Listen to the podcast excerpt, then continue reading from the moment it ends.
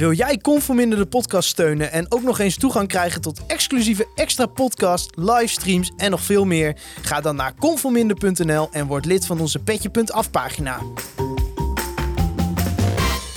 We gaan naar voetbal, naar de FC.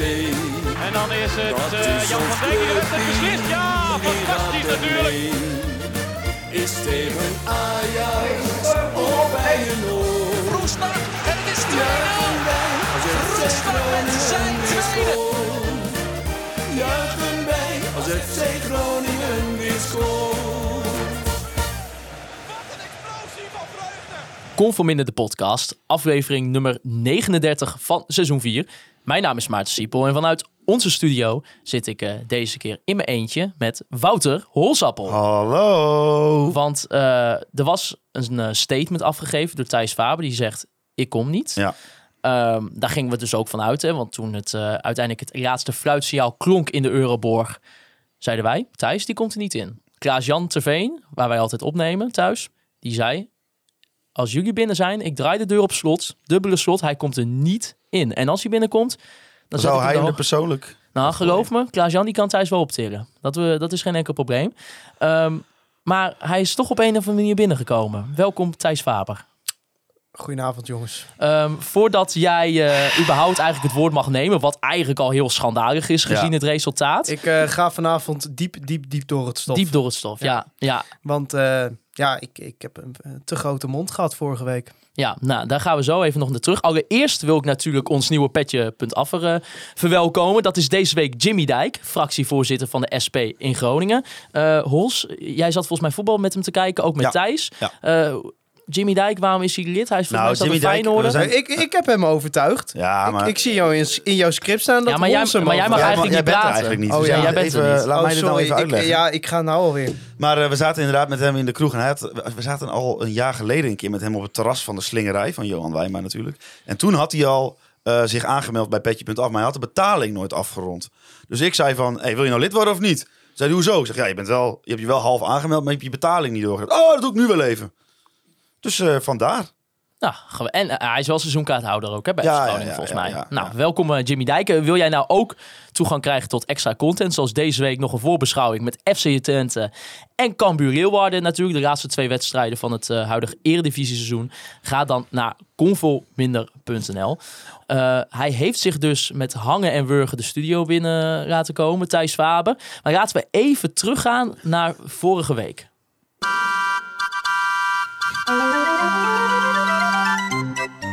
Als, als, de we, ogen. als we deze weer verliezen, dan ben ik er niet maandag bij de podcast.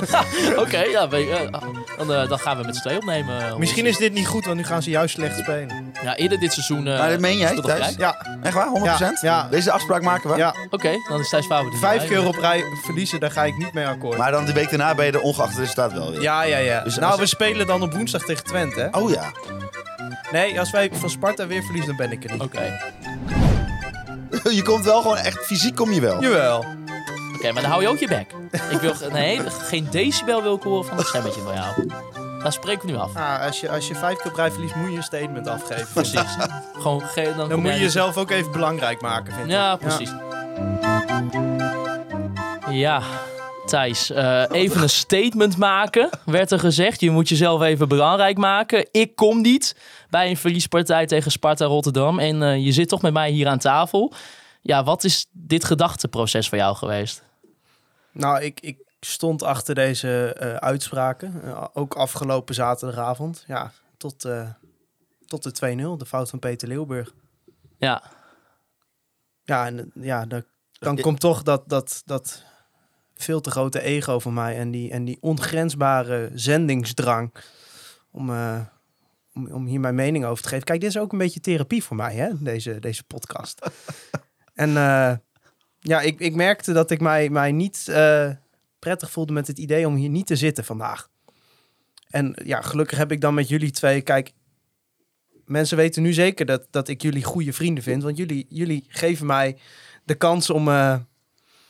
Ja, om, ja, weet je, kijk, mijn geloofwaardigheid is toch al helemaal weg nu. Dus Ja, want de, de- onze kritische Maar jullie geven luisteraars... mij de kans om, om terug te komen. Ja, want onze kritische luisteraars die zullen natuurlijk zeggen... een man, een man, een woord, een woord. Eh, Ja. Jij wil, zou niet komen bij een Nee. verlies en Ja. je bent er toch. Wat, wat, wat, wat, wat heb je tegen die mensen te zeggen dan? Nou ja, weet je, kijk, Mark-Jan Vladeris zei ook dat we de play-offs gingen halen. gaan we ook niet meer doen. Dus eh Nee, dit is wel Ja, heel slecht. ja. Dit. Ga je- Dat kan nog steeds. ja, nee, zeker. Maar eh, kom, kom op Thijs. Je, je geloofwaardigheid, je gaat straks weer een uur met ons hier zitten te praten. En dan eh, en de mensen mogen geloven je niet eens meer. Wat is dan met deze kwaliteit van de podcast gebeurd? Ja, als jij nu zegt eh, dat een bepaalde speler er niks van kan, hoe serieus moeten mensen dat nog nemen?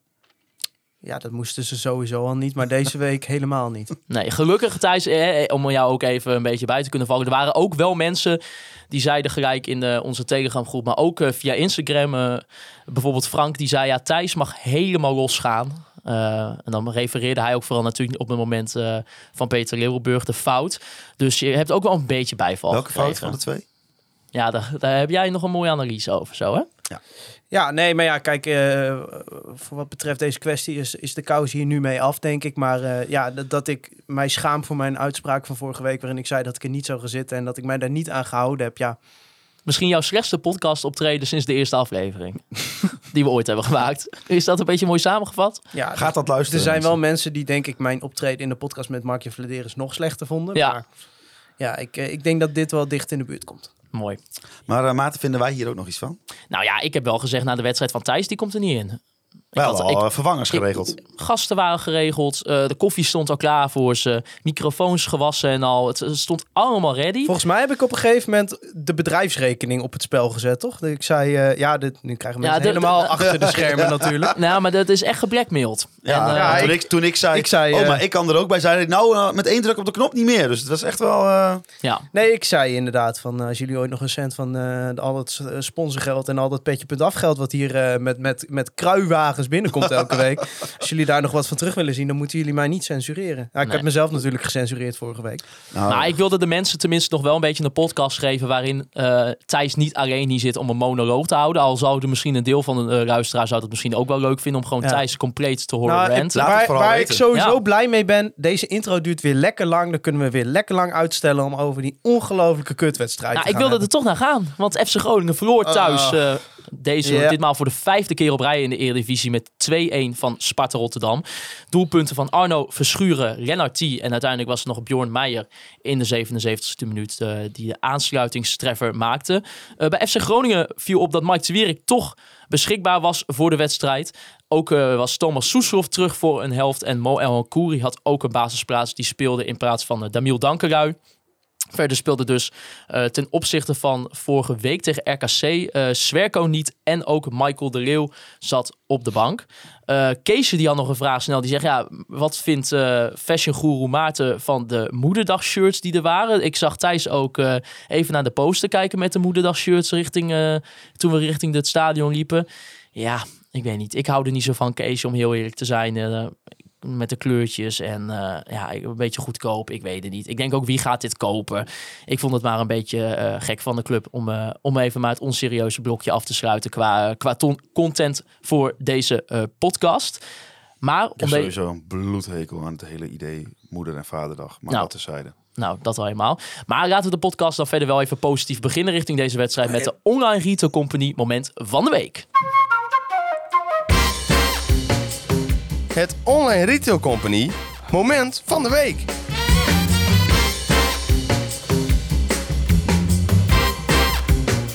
Ja, ons moment van de week, gesponsord door onze grote vrienden van de Online Retail Company. Ja, die kortingscode Thijs, die is nog steeds hè, de 15%. Ja hoor, het maakt niet uit wat FC Groningen speelt, hoe vaak we verliezen. Eén ding weet je zeker, 15% korting op het hele assortiment. Ja. 15 verschillende webshops. 15-jarig bestaan. Verkopen ze ook iets wat, ze, wat je tussen, online retail tussen company? de benen van eh, Peter Leeuwburg kan plakken, zodat er geen ballen doorheen gaan? Ja, oh, je, je, je begint al over Peter, Leeuw, Schrikdraad. Peter Leeuwenburg. Ja. Ja. Schrikdraad, dat is een goeie. Ja, maar hè, de wedstrijd begon eigenlijk heel erg mooi met de opkomst van FC Groningen. Want we zagen het al, het doekje kwam met Noordtribune Groningen.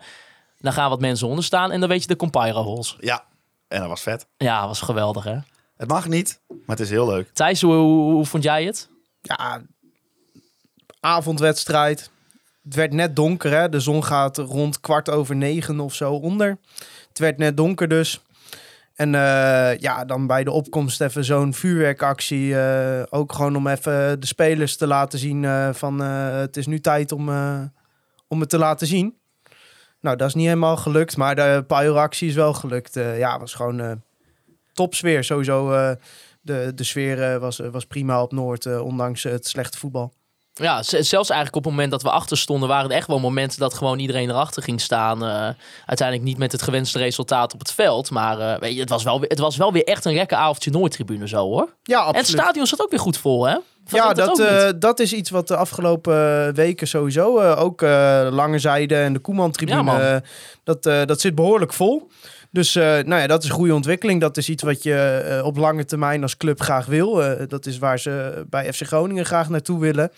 Dus ja, ik denk niet dat er aan klantenbinding gedaan is, zeggen ze dan altijd, na zo'n wedstrijd. Maar ja, dat was er bij Heracles ook niet. En Heracles was ook bijna uitverkocht. En ja, het zat nu ook gewoon goed vol, ondanks dat ja, zondagavond of zaterdagavond 9 uur is geen geweldig tijdstip normaal gesproken.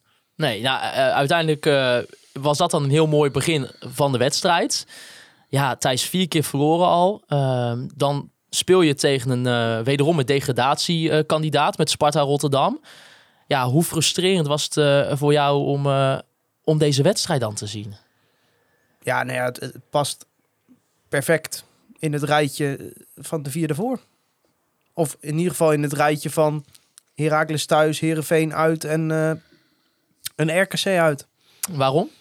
Nou, gewoon een team dat, dat niet meer kan creëren en ondertussen wel ongelooflijk veel persoonlijke fouten maakt en daardoor gewoon heel gemakkelijk doelpunten weggeeft. Vat eh, Thijs het een beetje goed samen, zo Hols? Ja, ik denk het wel. Want ik, ja, weet je, je kunt een hele week kun je alles bedenken om een tegenstander moeilijk te maken of om zelf eh, goed te spelen. Maar wat er de laatste weken bij Groningen gebeurt met zoveel eh, persoonlijke fouten, waar doelpunten van de tegenstanders uit voortkomen. En natuurlijk speelt Groningen helemaal niet goed, maar dat is daar buiten gelaten. Daar kun je niet tegenop eh eh, coachen. Dat kan, nou, dat- eh, dat, in, in, in essentie ben ik met je eens. Ik zei het vorige week ook. Ja. Er valt niet tegen op te coachen. Als je gewoon naar het spel gaat kijken de afgelopen vijf weken... dan is er ook nog wel een andere zijde dan alleen die persoonlijke fouten. Dat is gewoon dat FC Groningen gewoon het minste van de hele Eredivisie creëert. Op Ja, moment. maar ik durf wel te beweren dat als jij zoveel eh, tegenslagen krijgt, dat, dat zeg maar, je hebt ook niet die positieve flow daardoor mee. Ja, maar... Kijk, als, het tegenstander, Maar- als, het, nou- als het nou elke keer de tegenstander was die een paar persoonlijke fouten maakt, dan gaan die dingen die je op de training doet en die je dan oefent, die komen er toch net wat makkelijker uit dan dat je zelf het op de Ja, kloot maar krijgt. wie blijft Van Hintem dan opstellen? Dat doet toch ook de Ja, nee, trainer? daar ben ik, daar ben ik het zeker mee eens. de trainer kan er ook voor kiezen om gewoon Marien Swerko te laten starten. Ik zeg niet dat hij dezelfde fouten van Hintem niet had gedaan. Ja. Maar dit is de vierde wedstrijd op rij geweest waarin Bart van Hintem vroegtijdig werd gewisseld. Waarvan twee van de vier keer in de rust al. Ja. Je zou er ook kunnen, over na kunnen denken om hem bijvoorbeeld eh, niet te laten starten. Maar ja, mensen denken natuurlijk altijd dat Danny Buis een heel emotioneel mens is, maar die maakt zijn keuzes juist op het overdenken van de ja, als situatie. hij emotioneel eh, keuze had gemaakt, dan had hij na de- die muiterij van Van Ja, Hintem vorige hij- week hem eh, er nu niet ingezet. Kijk, en bij Buis is het eh, echt, die denkt echt dat dit de beste keuze is voor het elftal. Ja, maar dat is ook wel een klein beetje het probleem van, van Buis in die zin en, en de rest van de technische staf. Er wordt dan het, het argument gemaakt van ja, Bart van Hintem heeft al laten zien dat hij het kan. Ja, maar Bart van Hintem laat ook al weken zien dat hij het niet kan. En eh, ja, zijn vervanger Swerko, daar zeggen ze dan van ja, die maakt wel veel persoonlijke fouten, eh, zijn we bang voor. Maar die 1-0 van Hintem wordt op alle zwakke punten die hij heeft, wordt hij gewoon totaal door Sparta eruit, ge, eruit gespeeld. Eerst een, een slechte lange bal die ze forceren, omdat ja, laat Van Hintem die bal maar lang geven. Er staan een paar achterin bij Sparta, die koppen hem wel weg. Ja, en vervolgens, hij loopt niet mee met de lijn van de verdediging. Hij stapt heel raar uit, waardoor er al ruimte in zijn rug is. En vervolgens wordt de paas gegeven, ja, en, en hij wordt er gewoon uitgelopen door Arno Verschuren. Ja, dat is geen hele snelle speler. Ook niet langzaam. Maar de, de manier waarop hij zich positioneert, de manier waarop hij niet eens ingrijpt op het moment dat Verschuren gaat schieten. Nou, en dan, dat is waarschijnlijk jouw volgende punt, want het was niet alleen Bart van Hintem bij die 1-0. Maar om Van Hintem af te sluiten, weet je, ah, dit is al wekenlang het probleem met Van Hintem. Ja, stop dan met hem opstellen. Zwerko is ook niet eh, Maldini, maar die heeft wel meer snelheid dan Van Hintem bijvoorbeeld. Als je ervoor kiest om met ruimte in je rug te gaan spelen, ja, dan kun je toch niet een 1,70 meter lange verdediger die hartstikke traag is en ook nog eens uit vorm en jou vorige week publiekelijk onder de bus hebt gegooid. Dat valt toch niet te verkopen dat hij gewoon weer speelt. Nou, van, ik kan me misschien voorstellen vanuit het eh, gedachtegang van, van Danny Adrie en de gehele technische staf. Dat je denkt van ja, Bart heeft in de periode dat het even goed ging hè, met FC Groningen, misschien eh, zullen we zeggen tussen januari, maart Ja. ongeveer. Ja. Eh, Toen Groningen vijfde stond op de, op de ranglijst, zeg maar, van die wedstrijd, gespeelde wedstrijden. dat Bart misschien eh, stabiliteit wel bracht. Eh, gewoon naar zijn doen wat we eerder hebben gezegd. eh zes en een halfje speelde. En dat hij toch denkt op een moment van ja, het is nu een mindere fase. Ik wil misschien ook weer niet te veel wisselingen brengen binnen die basiself. Omdat je dan, ja, dat, hebben we ook de eerste helft van het seizoen gezien. Dat liep eigenlijk op een drama uit, die hele eerste seizoenshelft. En dat hij misschien daarom toch denkt, ja, ehm, ik ga toch met Bart spelen in plaats van Marien. Omdat Marien misschien in, ze, in hun ogen eh, ook net zoveel fouten gaat maken. Eh, wat, wat ik me dan ook afvraag is dat ik denk, ja, ik zou dan toch liever Marien Swerko zien. Ook al maakt hij bij wijze van spreken anderhalf keer zoveel fouten. Omdat ik dan ook denk, ja, volgend seizoen zou hij misschien potentieel een eerste speler kunnen zijn voor de, voor de eerste elf. Ja, dan zou ik het wel lekker vinden als hij misschien in die paar laatste wedstrijden zich nog wat meer kan laten zien. Zich daarin kan ontwikkelen, ook met de medespelers om zich heen. En dat je dan volgend seizoen en in de voorbereiding daar misschien wel de vruchten van gaat plukken. Maar ja, daar hebben Adrie en Danny, die beide weggaan, niet echt een boodschap aan. Want het enige wat die aan denken is, wij moeten die play-offs halen. En kiezen dan misschien meer op papier voor de stabiliteit die Bart brengt. Ja, maar los van dat. We lezen van alles over onderlinge problemen in de selectie. Ruzie, spelers die elkaar tegen elkaar opzetten. En dan zet je een speler erin die, die dus al weken slecht is. Maar die ook gewoon afgelopen zondag de technische staf ondermijnt in een interview. Maar dan ga Nou je toch alleen maar. Maar dan zit jij toch op de bank niet- als Marien niet- Swerko. En dan denk je, ik kan alles maar maken. Hij kan alles maar maken bij deze trainer. Niet de technische staf, En- het hele en- team. Ja, hij heeft gewoon het, het hele team en de hele club heeft hij voor de bus gegooid in dat Ja. interview. Hij heeft ophef gecreëerd in een fase waarin hij weet dat ophef gewoon slecht uit zou komen. En oké, ze zullen het vast bijgelegd hebben. Het zijn professionals. Maar ik vind, ik, ja, ik vind het geen gezicht Maar dat hij dan weer speelt terwijl hij dat interview geeft. En dan ook nog weer in de rust eraf gehaald wordt. Maar ik denk dat de problemen bij FC Groningen, want we pak, pikken er nu één uit, we gaan er nog meer uitpikken. Het is, op dit moment zijn de problemen bij FC Groningen een veelkoppig monster. Ja, want eh, te veel dingen intern gaan fout. Ja. Dus je, ik, eh, Buis en Flederis praten nog amper met elkaar. Je kunt, maar ik bedoel meer van, eh, wij, tuurlijk, wij gaan zo meteen al die puntjes bij langs en dan gaan we zeggen wat we van vinden, wat we zien en bla bla bla bla. bla. Maar uiteindelijk is het een veelkoppig monster van veel dingen die fout gaan. Het is niet alleen, eh, tuurlijk, daar is Buis ook debet aan, daar is Van Hintem debet aan, daar is Leeuwenburg debet aan, andere spelers zijn er debet aan. Maar ook andere mensen in de organisatie die wij niet op het veld zien, die zijn daar debet aan. Ja, want, doet- want richt dat dus toe. Wat wat bedoel je dan precies? nou ja, als je inderdaad hoort wat er allemaal eh, voor hoe, hoe de, de sfeer onderling is. Kijk, uiteindelijk, ik geloof er wel in dat als je. Tuurlijk, je mag echt wel een beetje schuren en een beetje botsen. Maar als, de, als, als er echt on. eh, ja, hoe noem je dat? Mot is met elkaar. Ja, dan, dan, ga je ook niet lekker dat veld in. En als je eh, eh, eh, een bepaalde negatieve energie, een bepaalde negatieve sfeer. Dat doet, denk ik, geen eh debet aan goed spel. Als de hele club snakt naar het einde van de competitie, dan ga je toch ook niet knokken voor die play-offs. Ja, nee. Ja, Want en dit team speelt, uitzonderingen daar gelaten. Bijvoorbeeld Strand Larsen, Soeslof, Duarte, Casanvillo. Daar zie je het vuur nog wel. Maar er zijn een heleboel spelers waarvan ook een hele hoop ik dat wel snap, want die gaan gewoon weg. Van Hintem en El Nkouri bijvoorbeeld. Ik zeg niet dat El Nkouri zijn best niet deed hoor. Dat, dat, volgens mij zie, zie je die nooit niet zijn best doen. Maar dus, er hangt gewoon zo'n gevoel om dat team heen... alsof iedereen er wel klaar mee is. Echt de typische Ja. nachtkaars. Nou ja. William Pomp eh, eh, bracht het eh, vandaag ook. Ik las het artikel via RTV Noord waarin William een aantal quotes had eh, over dat ja, Danny Buis en de spelersgroep zijn geen eenheid. Eh, Cyril en Gonga zou bijvoorbeeld een pain in the ass zijn. Eh, er zou eh, een ruzietje zijn waar Jurgen Strand Larsen bij was betrokken. Eh, Thomas Soeslof die zich een beetje laat gelden wat dan weer niet geaccepteerd wordt door een deel van de selectie. Ja, Hols, dat is dan toch ook een beetje een gevaarlijke cocktail als je nog überhaupt de hoop had op play-offs. Ja, maar dat is het. En eh, ik, hebt, ik zeg niet dat het makkelijk is. Sterker nog, het is volgens mij zeker in de voetbalwereld heel moeilijk. Maar dat is nou eh, managen. Je moet eh, al die persoonlijkheden, eh, of het nou van Buis en eh eh, Poldervaart en Arts naar de spelers is, of van Wouter Gudde en Mark-Jan Vladeres naar de technische staf, een bepaalde sfeer, een bepaalde sfeer op je werk, dat moet je managen. Daar moet je mee omgaan. En dat natuurlijk, het kan niet altijd roze geur en maneschijn zijn. En ik, ik weet ook helemaal niet exact of het nu één grote teringbende is. Of dat dit gewoon wat losse verhalen zijn. Maar in ieder geval, het is nooit één eh, eh, oorzaak. Er zijn meerdere oorzaken. En iedereen die iets met het eerste elftal van doen heeft, of daaromheen, ja, die moet ook zichzelf aankijken van, nou, kan ik hier wat anders, kan ik hier wat anders doen? Kan ik hier wat beters doen? Want ik denk dat, eh, nou ja, goed, het einde van het seizoen zal ook wel heel veel oplossen, of heel veel oplossen op Corpus. Maar iedereen moet wel even in de spiegel kijken, denk ik. Dit is niet een, een, een probleem wat bij één iemand vandaan komt. Nee. Ja, Ja, maar het- ja, dat is ook een beetje de ellende van toch wel een, een trainer waarvan iedereen al weet dat hij gaat vertrekken. Ja, denk niet dat er heel veel spelers op het veld zijn die zoiets hebben van ik moet me nog bewijzen voor deze trainer. Het is nog twee wedstrijden en dan, eh, ja, dan gaat de trainer weg. Sommige spelers gaan weg, zoals ik al eerder zei. En ik, ik denk dat het vanuit de technische staf, daar ben ik heilig van overtuigd, die willen niks lievers dan dit goed afsluiten.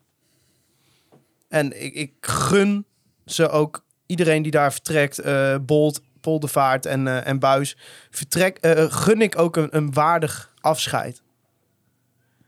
ja maar ik heb geen maar daar denken de spelers voor mijn gevoel anders over. Het is heb- altijd lastig, hè, want dit is een, een, een,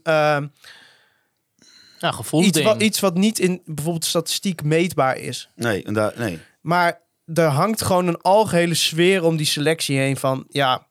eh, wat, wat die vent aan de zijlijn zegt, interesseert ons niet zoveel meer. Eh, laten we dit maar gewoon uitspelen, de schade beperkt houden. Nou, dat lukt aardig de afgelopen vijf wedstrijden, die schade beperken.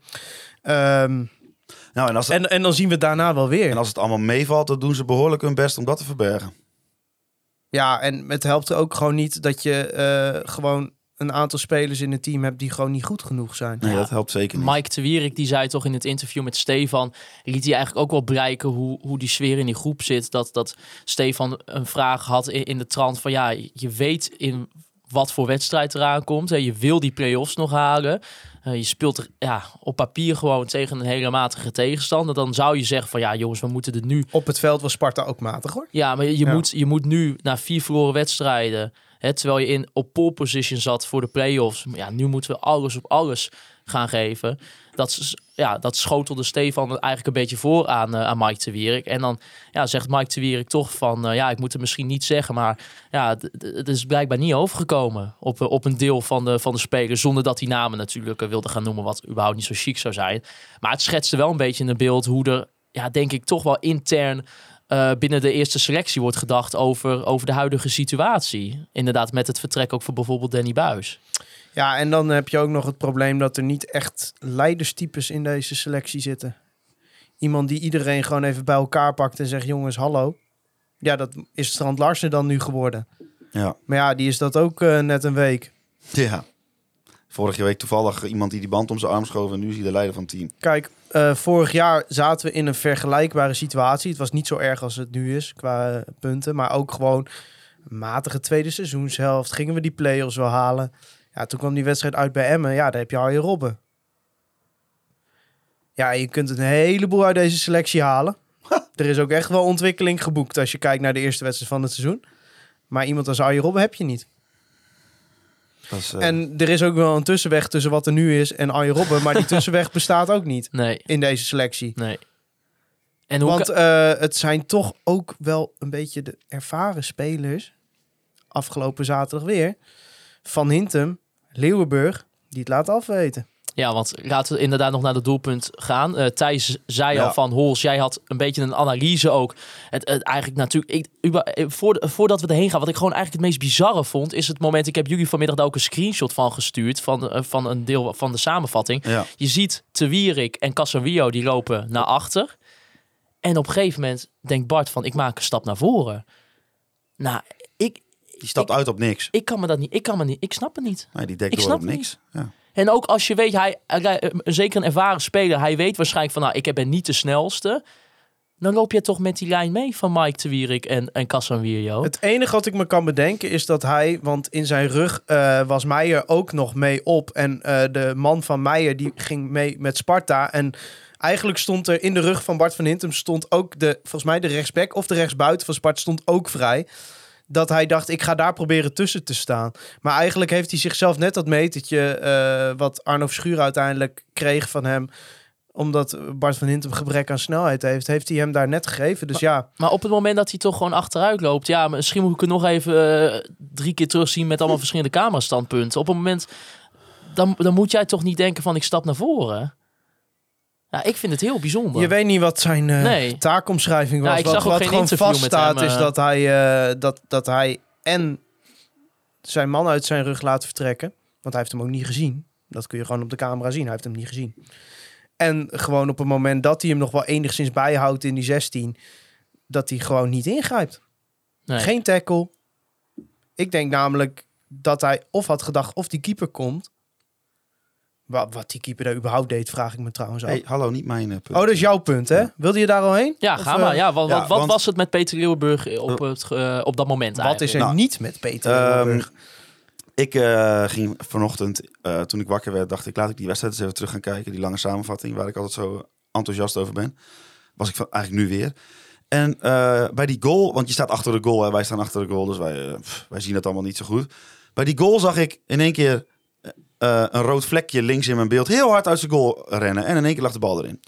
Dus eh, wat ging ik? Ik dacht, nee, dat klopt iets niet. Dit ziet er echt heel gek uit. Dus toen ehm, ging ik bij de, op de Twitter-account kijken van, volgens mij heet die Harm Zijnstra. Die is van de podcast van Afkikken, geloof ik, eh, Showkeepers. Ja. En die had precies hetzelfde screenshot gepakt en gezegd van, nou, volgens mij kunnen we wel twijfels bij deze uitkomactie doen. Want als je gewoon blijft staan, dan gaat de, of de, de speler met de bal eh, moet voorzet geven. Want vanaf die hoek schieten is heel kleine kans. Of hij schiet wel, dan kun je hem redelijk makkelijk tegenhouden.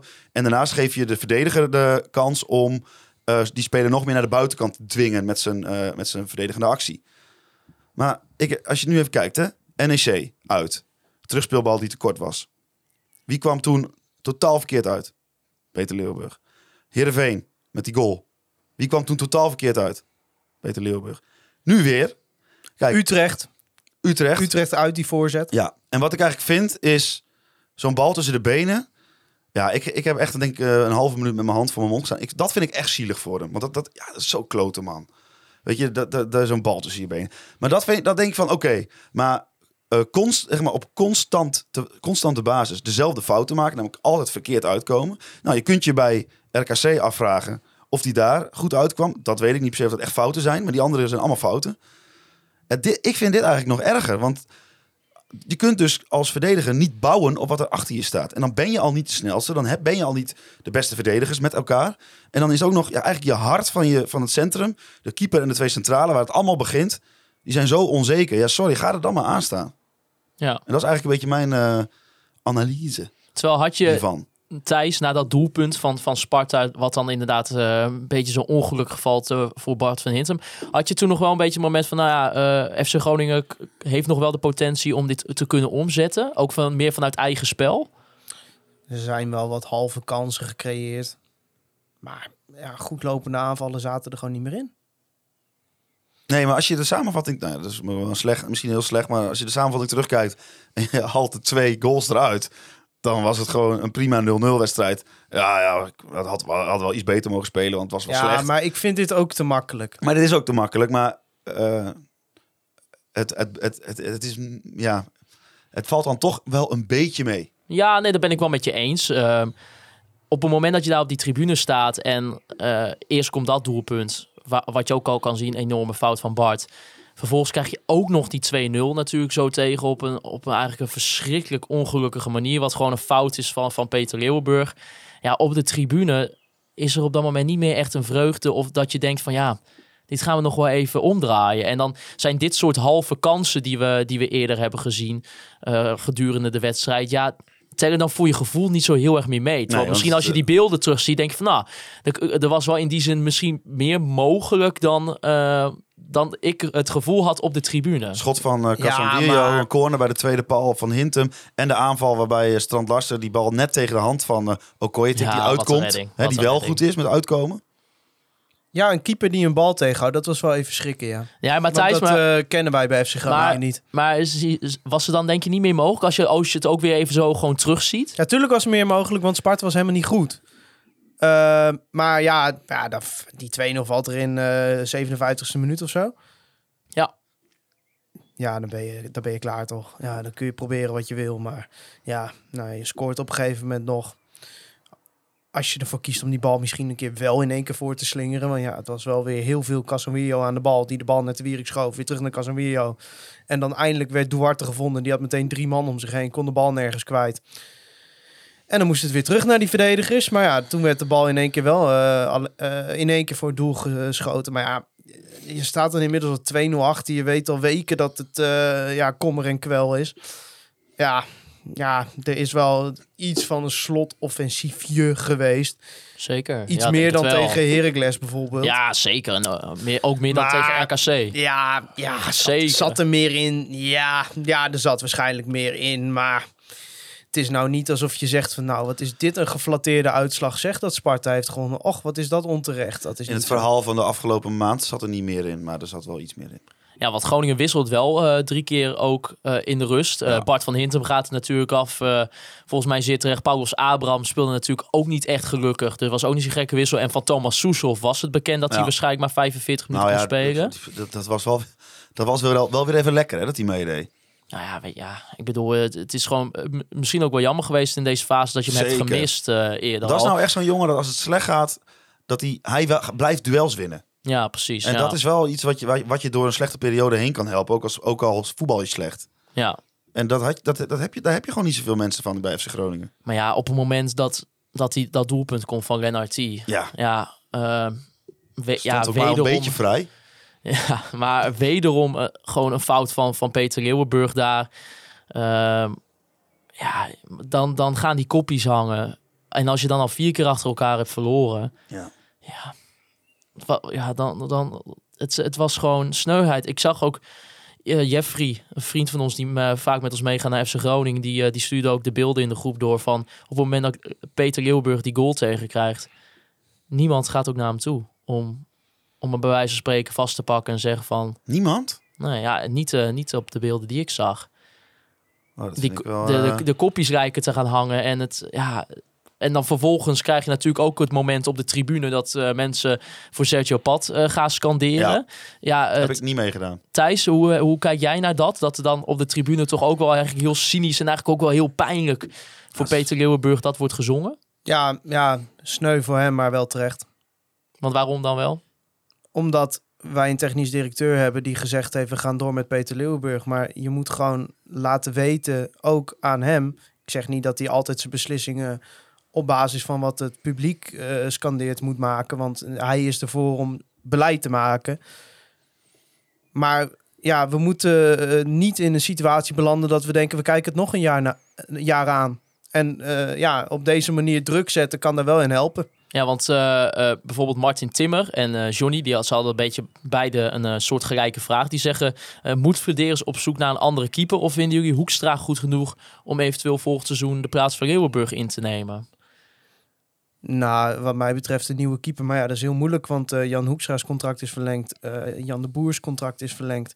Peter Leeuwburg ligt nog tot 2024 vast.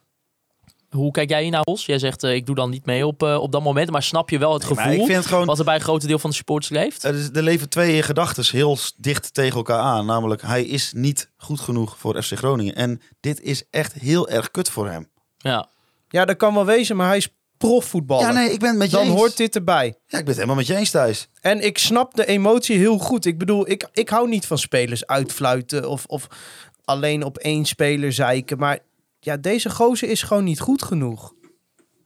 Punt. Ik ben het met je En hij, hij schiet er op zich niks mee op dat, dat we dat allemaal staan te zingen. Ik heb zelf ook meegedaan. ja, ik was gewoon een beetje boos na die 2-0. Maar d- er moet gewoon duidelijk zijn... deze man kan niet in augustus nog onder de lat staan. Ja, behalve als jij eh, volgend jaar om plek 15 wil meedoen. Nou, ik zou willen zeggen dat mensen die Ja, maar plek dit- 15 meedoen een betere keeper dan eh, Dit Peter is de slechtste keeper van de eredivisie. Hij staat bij FC Groningen onder de lat. Hij is slecht van zijn lijn. Hij is slecht op zijn lijn. Hij is gewoon hartstikke slecht.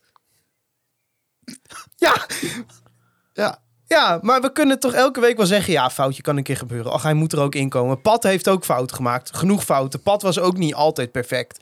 Pat is ook een betere keeper geworden eh, door de jaren heen. Maar deze gast is al 28. Hij is gewoon niet goed genoeg. nee, ik ben het met je eens. En Je moet gewoon de conclusie trekken. En waar ik zo bang voor ben. Kijk, Flederis is twee weken in Zuid-Afrika geweest om hem te scouten.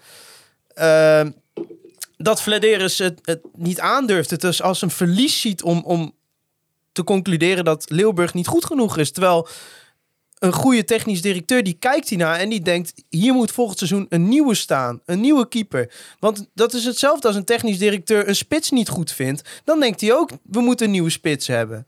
Maar dat geldt ook gewoon voor een keeper. Kijk, ik hoef geen keeper die geen fouten maakt. Ja, eh, eh, ik zou het graag willen, maar dat gaat niet lukken. Nee, En een keeper zo goed als Sergio Pat gaat ook niet lukken. Maar de slechtste keeper van de Eredivisie, eh, dat gaat wel een beetje ver.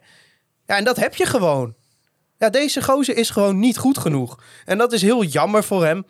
Het was mooi geweest als we eh, een keeper van prima kwaliteit hadden kunnen halen. eh, die we goed gescout hadden. eh, die een waardig vervanger van Sergio Pat was geweest. Maar ja, dit is het gewoon niet. En, en Nee. ja, je- wat ik zeg, je hebt al drie keepers vast liggen voor, voor volgend seizoen. Ja, ik denk ook niet dat de clubs in de rij staan om Peter Leeuwenburg te kopen. Ja, misschien een volleybalclub of zo, eh, dat, die, eh, dat die er wat mee kunnen. Maar ik vind het gewoon jammer, want je, hebt, eh, je had op een gegeven moment die periode in het najaar dat, dat hij onder andere de fouten maakte tegen Pek Zwolle, Fortuna Sittard. En daarna leek het opeens wat beter te gaan. Vond ik ook dat hij iets meer zelfverzekerdheid uitstraalde. Dat heeft hij ook zelf toen tegen Stefan Bleker gezegd in een interview een keer na een wedstrijd. Ja, en dan hoop je dat hij dat gewoon doortrekt. En ja, als dit soort momenten dan weer gebeuren, ja, dan, dan kom je weer in een van, van ga je van Ja, omhoog naar kijk, beneden. En ja, ik zeg niet op basis van deze blunder, hij is niet goed genoeg. Ik zeg op basis van een seizoen vol Circus Leeuwenburg. Het, het is vaker, hij heeft vaker een slechte wedstrijd gespeeld dan goed. Ja. Kijk, het begint altijd al bij hem, is de bottom line, hij pakt geen punten voor je. Hij zal hem niet tegen RKC een keer wel tegenhouden. Kijk, dan is het niet meteen een blunder zoals de 2-0. Maar het is niet een keeper die, die er dan op zo'n moment het team er doorheen sleept. Het is nog een onzekerheidje. Die verdediging, dat, dat moet toch met angst spelen. Want ja, eigenlijk elk schot op doel is, is een gevaar met deze keeper. ja, en als je er zelf niet lekker in zit. Ja, maar dan- hij heeft in die eerste helft duikt hij ook onder die voorzet door. Ja, en dan, maar kijk, als je, eh, dan, je weet van jezelf dat je, dat je er niet echt lekker in zit. En dan heb je vervolgens ook nog inderdaad eh, Bart van Hintem, Damiel Dankeruit, die ook onzekerheid uitstralen in hun spel.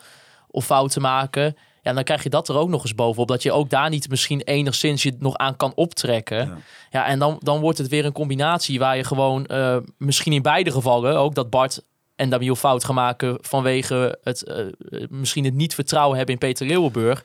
Ja, en dan krijg je dit Ja, uiteindelijk als resultaat. Je kunt nog, nog twee dingen uit elkaar halen. Namelijk, eh, eh, Groningen heeft deze wedstrijd niet per se verloren door Peter Leeuwburg.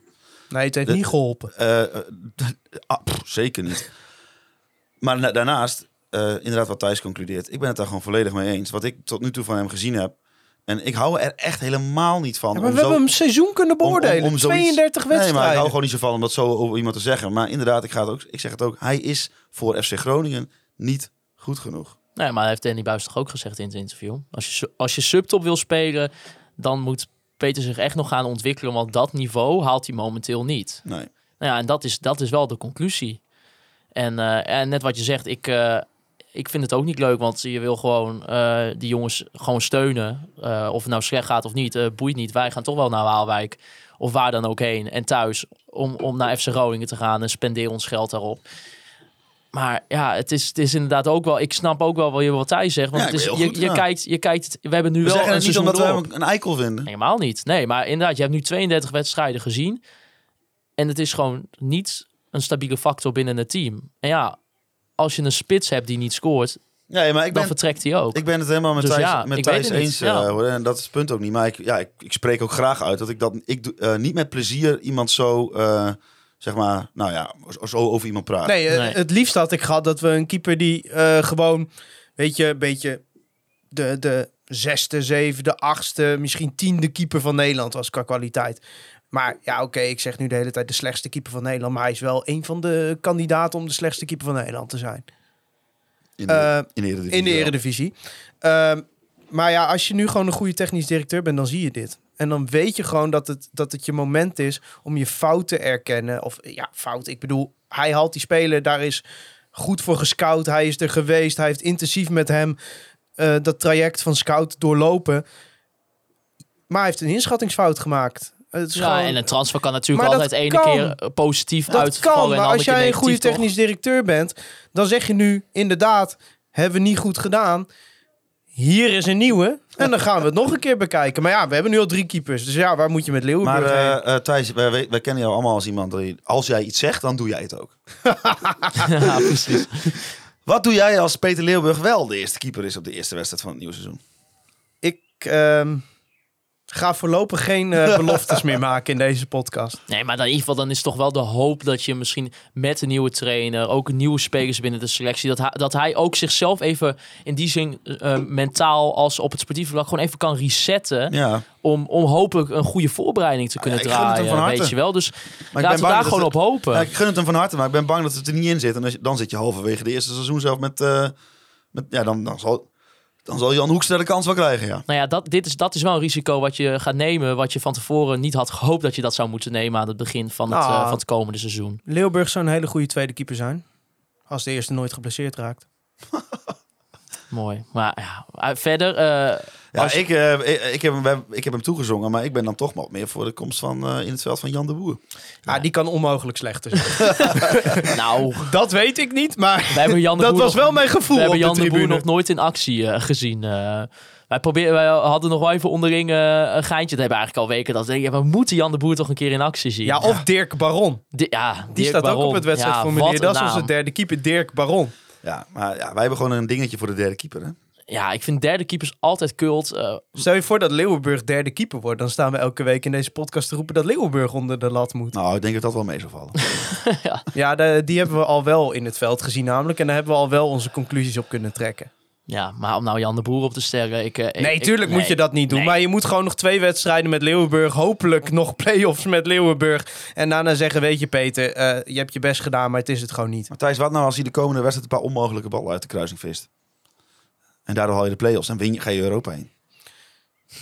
Ik was bijna weer beloftes aan het maken. Nee, ik ga geen beloftes meer maken in deze podcast. Nou ja, ik denk niet dat dat gaat gebeuren. En als het wel gebeurt, dan mogen mensen eh, mij komen uitlachen. Eh, verder eh, had Niels Spannenvraag. Die zegt, Buis zei na de verloren wedstrijd van vorige week... dat hij misschien de boel eens moest gaan opschudden. Alleen Dankerui en de Leeuw moesten banken... en Van Hintem is geen tweede aanvoerder meer. Hadden er geen andere keuzes gemaakt Ja, kunnen worden? Ja, Van Hintem had niet moeten spelen, maar dat hebben we al eh Maar dit is wat ik net zei. Eh, Buis is niet van de onderbuik. En die is niet van de impulsen. Die is van alles tot in de diepe, diepe treurnis overdenken, analyseren. Eh, als ik dit doe, dan dat. Als ik dat doe, dan dit. En die is dan meer van inderdaad eh, eh, bij zijn, zijn vastigheden eh, blijven. Dus jij kan hem wel volgen als je dan ook inderdaad keek naar de, naar de basis Nou, 11. Ja, ik weet het niet. Ik vind dat lastig. Want ik ben, geen, eh, ben niet zo goed... eh, eh, Nou, ik was het eigenlijk wel eens met de opstelling, eh, behalve dan Van Hintem. ja. Ik vond eigenlijk gewoon, gezien alle omstandigheden, was dit op Van Hintem na. Ik had dan Van Hintem en Zwerker nog omgewisseld. Vond ik dit eigenlijk de beste opstelling. Met El Nkouri een beetje als rechtsback, rechter, wingback. Ja, vond het wel eh, dat, er, dat er keuzes gemaakt werden. Dat ik denk, ja. Ja, een beetje jammer dat dat middenveld klopt gewoon nog steeds niet. Nee, dat klopt ook iets niet aan. nee. Want eh, eigenlijk komt het erop neer dat Duarte moet iets ongelooflijks doen en dan komt FC Groningen tot voetballen. Ja.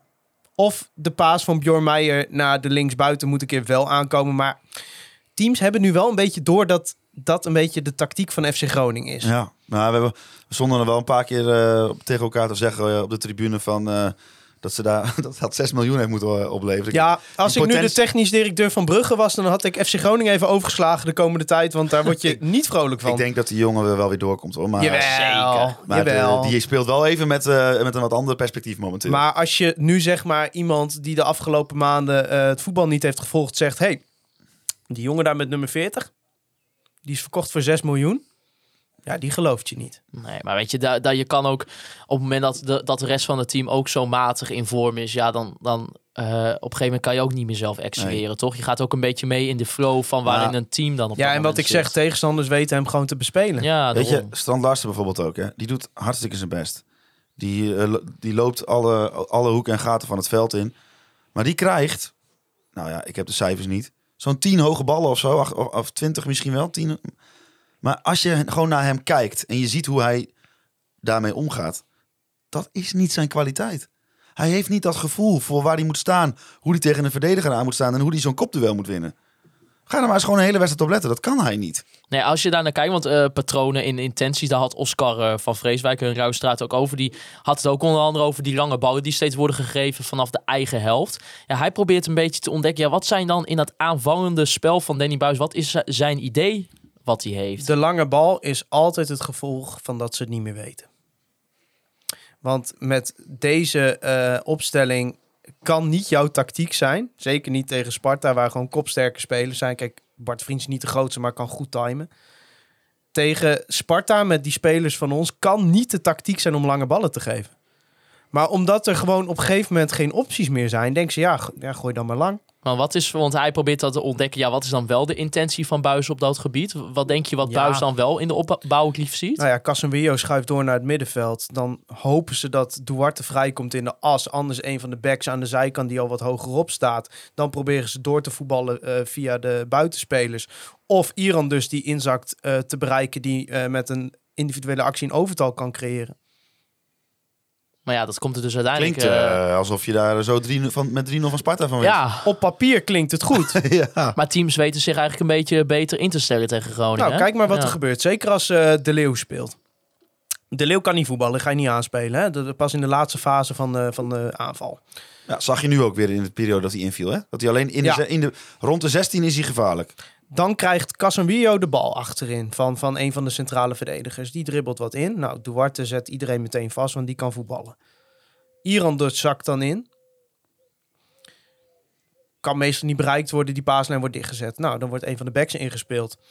Die kijkt of hij hem meteen door kan spelen naar bijvoorbeeld eh, Van Meijer, naar eh, Abraham in dit geval.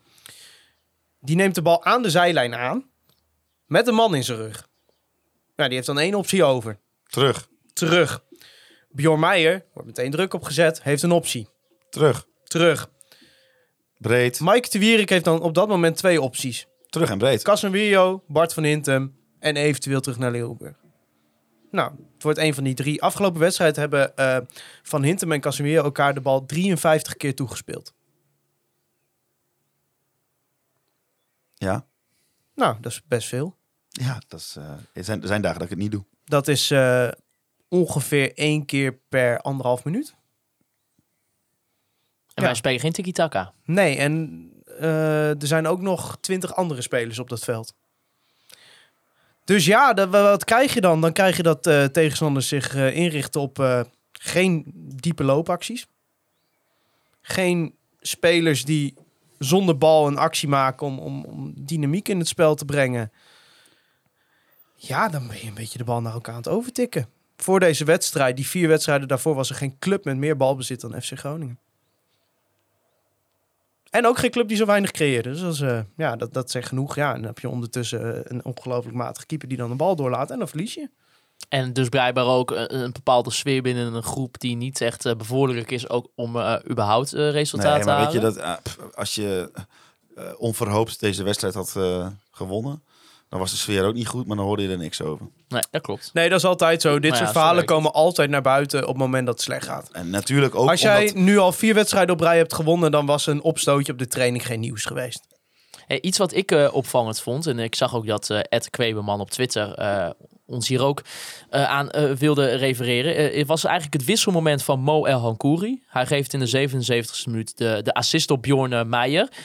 Vond ik, eh, ondanks dat hij de eerste helft niet goed speelde, Mo, vond ik het wel een speler waar op een gegeven moment in die slotfase, de laatste 20 minuten, dat daar wel dreiging vandaan kwam.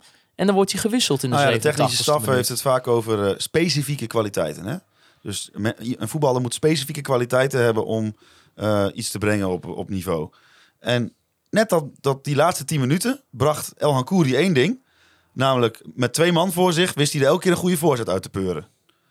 En dan gaat hij eruit. Nou, ik merkte echt... Daar eh, viel ook de goal uit, uit zo'n voorzet. Ja, maar, da- maar ik, ik merkte echt dat ik gewoon een beetje gefrustreerd raakte. Ja, ik en hij nou, zelf ook. Maar Ankouri deze armen wijd van... Huh? Ik? En echt niet omdat hij zichzelf de beste voetballer van FC Groningen vindt hoor. Maar die heeft dat, had datzelfde ik gevoel vond als het wij. zo raar. Ja, ik denk dat ze met Zwerko, want Zwerko ging als een soort eh, spits spelen. Nee, nee, nee, nee, nee. Ze gingen met eh eh, eh, Meijer schoof door. Ja. Dus Zwerko bleef wel Oh, maar ik heb Zwerko ook een aantal keer Ja, eh, in helemaal de aan- spits gezien. Helemaal aan het eind wel, maar... eh, Oh, Meijer- want ik dacht dat dat misschien het idee was, dat ze wat meer kopkracht En dat wilden ze ook. Meijer stuurde ze dus eh, de Oh, Oké, dan heb ik dat niet helemaal goed gezien. Maar eh, dat zag je- maar ik denk dat vind ik zo geinig dat het gevoel wat wij hebben had El Koeri ook. Want Nou, joh, ik ben El- echt een beetje gek op de El tribune. Koeri vindt zichzelf echt niet de grootste ster van Groningen die nooit gewisseld mag worden. Maar die voelde ook van, huh, we doen iets wat nog een beetje werkt. We hebben net hè, gescoord. Dit gaat goed, laten we dit nog vijf keer doen. Dan scoren we misschien nog een keer. En ik- dan moet hij eruit. Ja, en Sparta lag dan? op dat moment voor het En oprapen. en hè, want die waren echt niet goed hoor, wat, Sparta. Wat gebeurt er dan? Dan wordt Ngonga, die gaat op de rechterkant spelen. Nou, er komt geen voorzet vandaan. Want Nee. zo'n speler is dat niet. Nou, ik vond het gewoon opvallend. Ja, ik snapte dat niet. Eh, ik, ik- in die 87 minuten, je zit dan nou, maar misschien met, eh, met nog wat spe- extra speeltijd erbij. Heb je nog misschien, eh, ik weet niet hoeveel de minuten er uiteindelijk bij kwamen. Hoeveel kwamen erbij?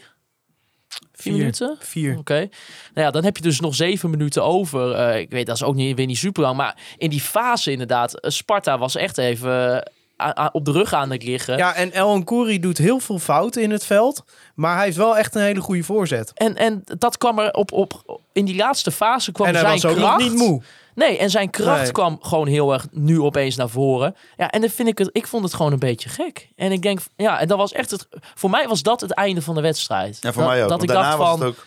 het, nu is het dood. Nu zijn we klaar. En we, we verliezen voor de vijfde keer op rij. En dat vond ik gewoon jammer. Want je merkt, het publiek ging er weer achter staan.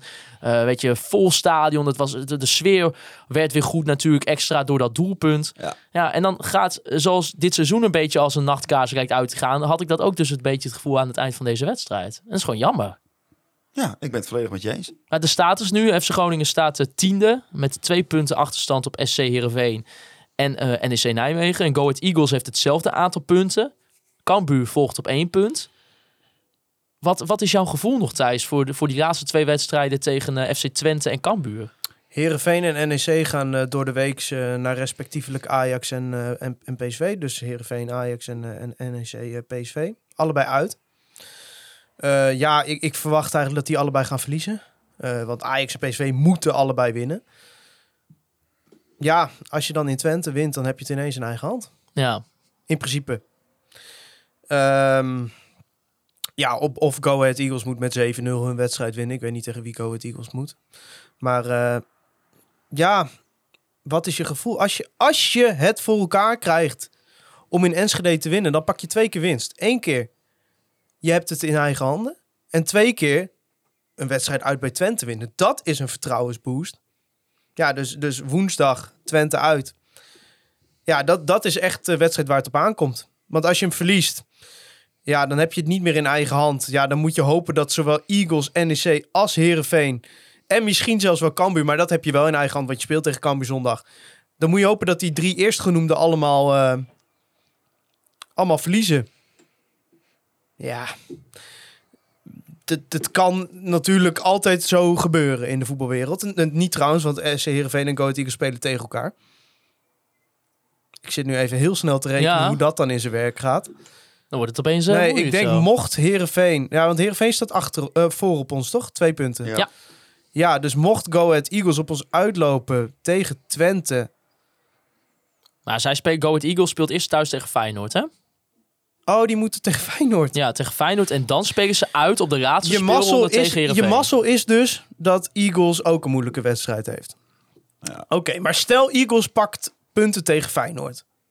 Wij verliezen in Enschede en, eh en Heerenveen verliest in, eh, in de arena. Dan kan het dus al niet meer. Want Ja, als Eagles wint, blijft ze voor ons. Als Eagles gelijk speelt, krijgt Heerenveen een voorsprong van drie punten. En als wij dan winnen, komen we op gelijke hoogte. Ik weet niet hoe het in doelsaldo zit daarna. Ik zal, ik zal eens even voor je kijken. Je Laten we, heel- dit maken we heel ingewikkeld. FC Groningen moet in Beide- winnen. Beide min 10, Heerenveen en Groningen. Oké. dan wordt het nog een leuke seizoenafsluiting. Ja. Eh, Maar maar Herenveen moet naar Vitesse toe, toch? Of thuis tegen Vitesse. Nee, god, die moeten tegen Eagles. Die moesten dit weekend tegen Thijs, Vitesse. stop maar. Ja, ik hou hier nu mee op. Vitesse? Had, nee. ik, had ik hier Maar- nooit gaan zitten vandaag, Nee. dan had ik deze, dan had ik deze, Deze competitie tussenstand. Die zo hard. Samenvatting. We zitten vlakbij. Groningen moet gewoon in ieder geval winnen in Enschede. Ja. We Mooi. moeten even op eh, Corpus even met de kopjes bij elkaar. Zullen ze afgelopen week ook wel gedaan hebben. Ja, en de vier weken daarvoor ook al. En de vier weken ik. daarvoor ook. En dan moet gewoon... eh, doe het voor ons. Ik, heb Ja, weet zin om, je, ik heb gewoon weer zin om zondag naar het stadion te gaan. Geef me een leuke wedstrijd. ja, weet je, eh, Fortuna heeft het ook geflikt in eh, de Golsvest afgelopen weekend. Twente was de week daarvoor tegen Heracles ook niet goed. Dus die zijn niet ja. meer in de topvorm die ze lange tijd geweest zijn. Maar dat is een ontzettend goed elftal. Dus, en je zag het zelfs tegen Fortuna. Dan spelen ze niet zo goed. Maar dan maken ze wel even de 1-1. Ja, dan scoort Fortuna daarna een prachtige Ik gewoon hopen maar- dat die jongens in hun, eh, in hun eh, pens gewoon nog zoiets hebben van... Ja jongen, dit, ga- dit, dit gaat ons niet gebeuren. Ja, maar Dat we- Twente speelt ook nog ergens voor. Dat weet ik wel, maar ik, ik spreek gewoon mijn hoop uit. Dat, eh, dat, dat, dat, dat er iets gebeurt met, in die groep. En dat er gewoon nog voor twee wedstrijden en misschien meer het heilige vuur nog even kan worden, worden gevonden. Een Soeslof die misschien wat meer minuten kan spelen. Nee, die gaat niet spelen in Enschede. Nee? Is Nee. het al gezegd? Ja, gaat niet eens bij de selectie zitten. Oh, maar zondag dan weer wel. Dat weet ze nog niet. Maar Ah, hij is fysiek niet belastbaar. Oh. Je mist Strand Larsen. Standaard is er niet bij in. Enschede. Ja, en dat, is- dat is- Romano Season. Nee, gaat hij sowieso de Leeuw opstellen. Oh ja. Want die heeft ervaring. Ja, het zou gewoon, het weet je, al- als je gewoon wint in Enschede, Gewoon. Gewoon even winnen. gewoon even winnen. Ja, kijk, en het zou natuurlijk in die zin een geweldig einde van het seizoen kunnen zijn dat je dan tegen, weet je, ook Cambuur dan, en dat verdienen Adrie, Danny en Edwin Bolt inderdaad Ja. ook. Dat je hem dan nog over de streep trekt, Maar het wordt wel heel lastig. eh, resultaat halen. Ja, je hebt het in principe echt tot afgelopen zaterdag allemaal in eigen hand gehad, jongens. Ja, ja en dat is het, dat is het, eh, het kwalijke. Inderdaad, je stond op pole position en Sterker nog, je hebt het de afgelopen vijf weken in eigen hand gehad. Stel je voor dat je uit die vijf wedstrijden een keer drie punten had gehaald. Dat je er eentje had gewonnen van die vijf. En ik begrijp ook wel, Ja. weet je, het, het, eerlijk- je het nu ook nog in eigen hand gehad. het eerlijke verhaal is ook wel in die zin dat FC Groningen wint tegen geen één tegenstander makkelijk. We, we zullen niet gauw zien dat FC Groningen ergens met 3-0 Nee, wint. Met, verliezen is er ook van alle tijden. maar inderdaad, je hebt wel op, op dat moment gehad. Nou, Na vijf, Ajax- vijf achter elkaar winnen, Ja. eh, verliezen is wel... eh, dat gebeurt niet heel vaak, hoor. Nee, nee, en weet je, de Ajax oké, maar je had wel gewoon punten moeten pakken in die andere wedstrijden. Ja, Heracles thuis, RKC uit. En misschien verdien je eh, het ook en, niet. En Sparta thuis, daar had je minimaal één keer moeten winnen. Je had, je had In gewoon... welke ja. vorm ben je nog bent- lief. Ben je nog lief. Hoe goed je spelers ook zijn of hoe slecht je spelers ook zijn. In welke fase van het seizoen je ook zit. één van die drie had je moeten winnen. Het is gewoon zonde, want je had op een gegeven moment... Aan het begin van die tweede seizoen zelf zag je een ontwikkeling. Zag je dat jongens met vertrouwen gingen spelen. Ja. Een Bjorn Meijer die supergoed was opeens. En dan aan het einde van het seizoen zakte toch eigenlijk als een kaart thuis in elkaar. Ja. En inderdaad, misschien, je verdient het ook eigenlijk niet meer. Ja, nou ja, het, is, het is een ploeg die, toch, die kan spelen als de nummer 8 van Nederland. En het is een ploeg die kan spelen als de nummer 18 van Nederland. Ja, het- en de afgelopen week hebben we met name die, eh, dat laatste gezien. Maar toch, ja, het, eh, ik weet niet hoe dat met jullie zit, maar ik heb gewoon heel veel zin om woensdagavond ergens in de kroeg en zondag weer in dat stadion te zitten. Ja, ik, weet je, je hoopt gewoon dat je zondag nog naar het stadion kan. En dat je een, een, in ieder geval het, de, de, de spanning kan voelen, weet je wel. Want als ja, op Ja, moment... dat die wedstrijd nog ergens om gaat. Precies, want Nou ja, hij gaat sowieso ergens over, hè, wat er ook gebeurt. Ja, behalve als Heerenveen in de arena wint of NEC in Eindhoven wint. Dan, zou, dan, dan kan het al klaar zijn woensdag. Maar in principe, hè, als je ervan uitgaat dat de top 3 gewoon hun sportieve plicht doet, zeg Maar maar. sportieve plicht, die moet ook nog even. Die moeten Die behoorlijk winnen, alle drie, ja. nou, Feyenoord hoeft niet per se, maar eh, die zullen ook wel gewoon die flow van nu willen vasthouden. Eh, ja, dan, dan gaat het sowieso ergens over. En dan sta je misschien wel de hele middag met, eh met livescore erbij te kijken wat er op die andere velden eh, eh, gebeurt. Maar omdat het misschien even om te relativeren, dat blijft natuurlijk gewoon geweldig. Dat we straks gewoon weer op, dat, op die tribune staan. En ook al kunnen ze er helemaal geen kloten van dat wij weer met onze telefoon naar andere velden aan het kijken zijn. Ja, Ah, plus, ik wil gewoon ongeacht, ook al verlies je uit bij FC Twente en gaat het zondag nergens meer over.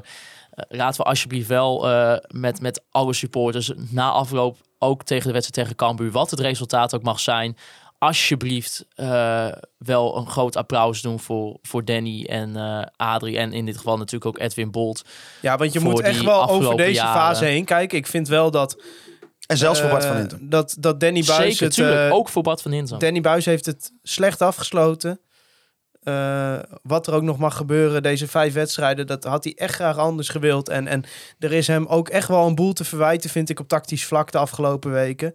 Maar als je gewoon de afgelopen vier jaar dat hij trainer was, bekijkt, dan, eh, dan vind ik wel dat hij een, eh, een mooi afscheid verdient. Want hij heeft wel gewoon heel veel jaren laten zien een goede trainer te zijn. Ontwikkeling bij heeft in spelers. ieder geval samen met... geld in eh, het laadje gebracht. geldmachine heeft hij ervan gemaakt. Ja, en ik geef het je ook maar te doen als je, als je elk jaar je beste spelers kwijtraakt.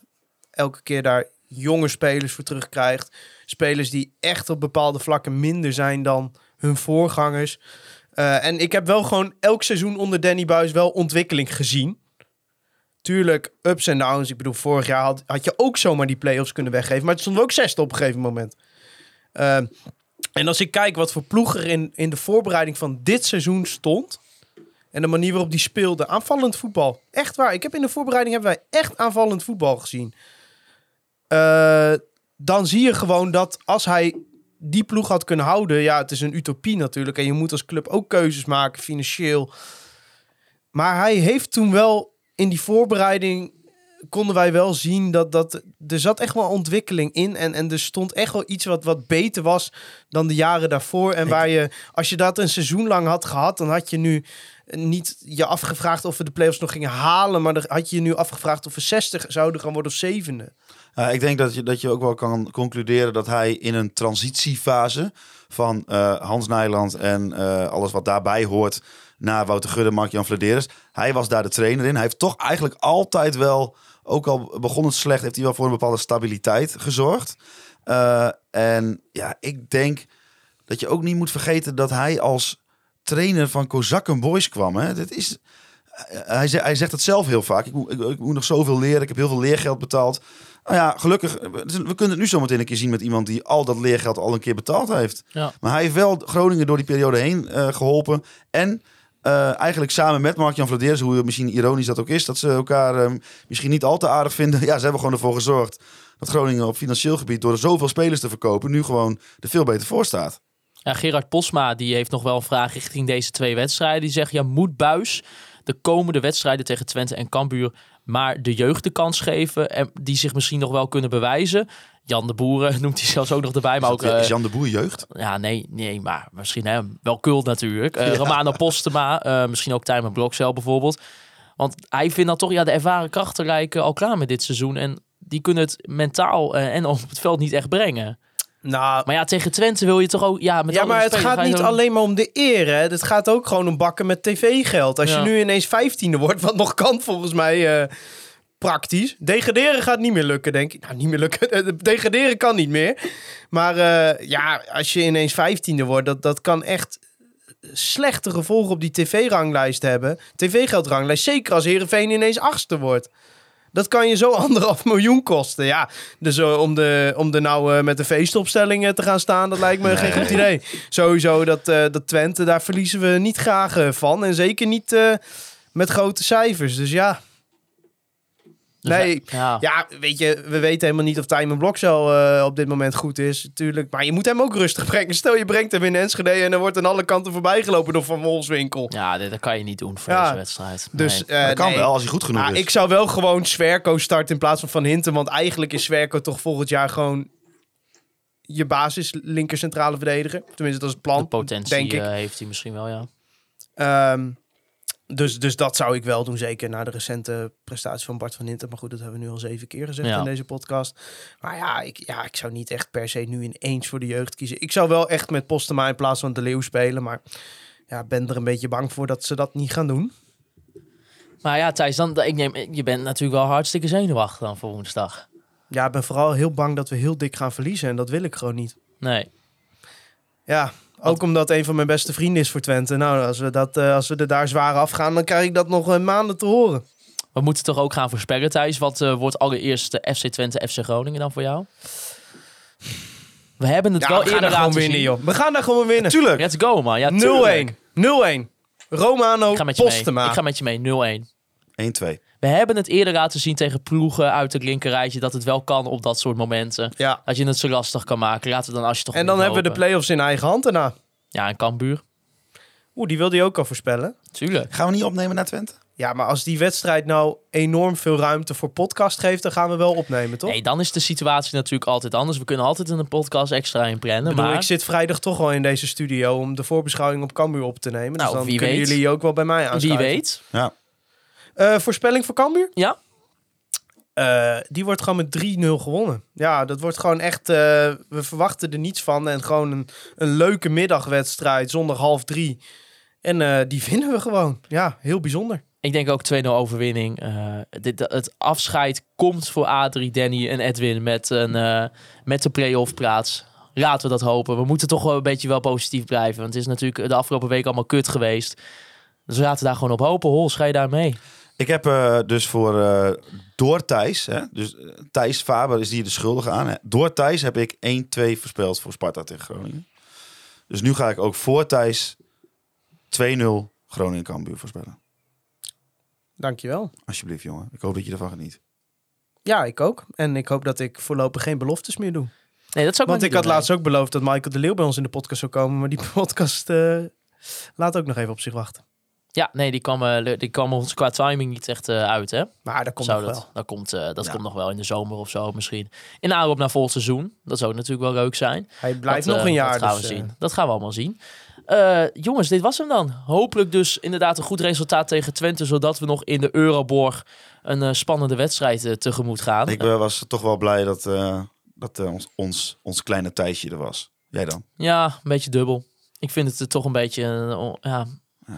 Weet je, laat de luisteraars er maar wat van zeggen, wat ze er uiteindelijk Oh, maar ik- van ik- deze keuze. Respecteer alle hoon die ik over me heen krijg hiervoor. Oh, Want dan, Maar je hebt het je, moet je ook gewoon aan je woord houden als je grote mond maar hebt. dan roep ik ook bij deze op tot hoon. Nou, Ik wil hoon voor Faber. Nee, ik- hij heeft het boetekleed enigszins aangetrokken hier eh, in de studio. Dus ik wil hem wel bijvallen. En, eh, ja, kijk, en daar zie je dus... Maarten is familie van mij en jij bent een vriend van mij. En dan zie je dat mijn familie gaat mij wel steunen op dit moment. Ja. Tuurlijk, ja. In, in, jou- in jouw diepste dagen ben ik er altijd Ja, dat is absoluut zo. Wat een mooie... En dat is vaak. Is vaak. Wat een, wat een mooie empathische Nou, het is wel einde zo. weer. Ik had laatst een auto-ongeluk, daar was je ook bij. Nou ja, het had gewoon zomaar kunnen zijn dat uh, Hols in zijn eentje nog kon winnen de Ja, podcast. maar echt, ik wil dat is, het, eh, toch wel jammer zeg maar, dat mensen dat niet kunnen zien. Maar, eh, als Het je, ongeluk. Nee, nee, nee. maar als je met Thijs naar voetbal gaat, en vooral deze wedstrijd waar het dus eh, echt heel slecht ging in de rust, dan zie je daar gewoon een verloren jongen die met een telefoon in zijn hand twijfelt welke emoties die allemaal op Twitter gooit. Het is eigenlijk een film waard. Zo mooi is dat om te zien. Wauw. En dan krijgt hij zoveel steun van zijn neef ook Ja. nog. Prachtig. Wat een eh, mooi empathisch Nou, in dat stadion heb ik vooral hem rustig moeten houden. Want hij was hartstikke boos dat eh El Ancoury gewisseld werd. Ja, hij hing echt beetje op mijn boos. nek. Hij zegt, hoe kun je hem nou wisselen? Ik zeg, Maarten, rustig, jongen. Ja, nee, maar wat is dit voor waardeloze wissel? En hij was de enige die nog een beetje creativiteit bracht. Jij was echt boos. Maar dat was ook bij mijn laatste Cola Berenburg vanavond. dus ja, dan, dan merk ik toch, dan komt de emotie er toch wel een beetje extra bij. Maar ja, wat... eh, Was niet aan je te merken dat je een beetje een, eh, een kwaaie dronken had. nee, nee. Ik ben altijd, ik ben altijd rust zelf. Zelfs in een uitvak als we 3-0 tegen RKC, dan kan ik nog zelfs Nou, wel de mooie van de trip uh, Wat ik zaterdag heb gezien uh, nadat uh, Moan Koeri werd gewisseld en je het daar absoluut niet mee eens was, dat zou ik niet de rust zelf noemen. Nee, maar om nou Jij twee... was bozer dat Koeri werd gewisseld dan twee fouten van Peter Leeuwenburg. Ja, eigenlijk wel, ja. Maar ja, terwijl de motoren hier uh, in ja. Groningen-Zuid... Uh, ja, we hebben het raam open, zijn. want het is, uh, het is hier, flink warm hier op zolder. Ja, we gaan, we gaan er maar snel mee stoppen, zodat we lekker naar beneden kunnen gaan. Jullie kunnen Conforminder de podcast volgen via Spotify, Apple Podcast. Laat er ook even een recensie achter. En natuurlijk ook via Google Podcast. Volg ons ook via al onze social media kanalen. Instagram, Facebook en Twitter. Ik wil Andy Zuidema bedanken voor uh, de foto's die wij elke week mogen gebruiken voor uh, al onze social media uitingen. Ik wil natuurlijk de Online Retail Company en B-Trip bedanken voor de Online Retail Company moment van de week met de prachtige Pyro-actie van afgelopen weekend. Natuurlijk ook onze Petje.affers voor het steunen van Conforminder de podcast. Er komen wat voorbeschouwingen aan met de tegenstanders van de week. Natuurlijk nog voor de laatste twee wedstrijden van het huidige eredivisie-seizoen. En er staat ook uh, sinds de afgelopen week een nieuwe De Maat met Masker online. Dus als je nog zin hebt om een uurtje naar Weer Masker te luisteren, dan, uh, dan kan het gewoon. Of anderhalf uur was het zelfs. Was het anderhalf uur? Of was het maar een uurtje? Ik was er niet bij, ik vond het geweldig. Het was anderhalf uur. Jeetje, ja. Thijs Faber is weggelopen ook bij die podcast. ik ga niet vertellen daar zeggen waarom. we verder niets over. Nee, maar ik nee. heb inderdaad de podcast niet, eh, niet afgemaakt. Nee, maar daarvoor eh, geen spoilers, een lekker klikbeetje. Had Wim weer wijn? Wim had geen wijn, maar we namen ook om één uur 's middags. Oh, Oké, ja, nou goed. Om daar nou wel met Nou, Wim aan- is met pe- pensioen, dus dat maakt normaal gesproken niet Nee, uit. nee, dat klopt, dat klopt. Eh, dat inderdaad. Eh, ik wil natuurlijk ook Vrij Westhoff en Mark Pepping bedanken voor de prachtige intro en outro muziek. En als laatste, jullie de luisteraars, voor het luisteren naar Kom van Minder, de podcast. Juichen wij als FC Groningen weer scoort.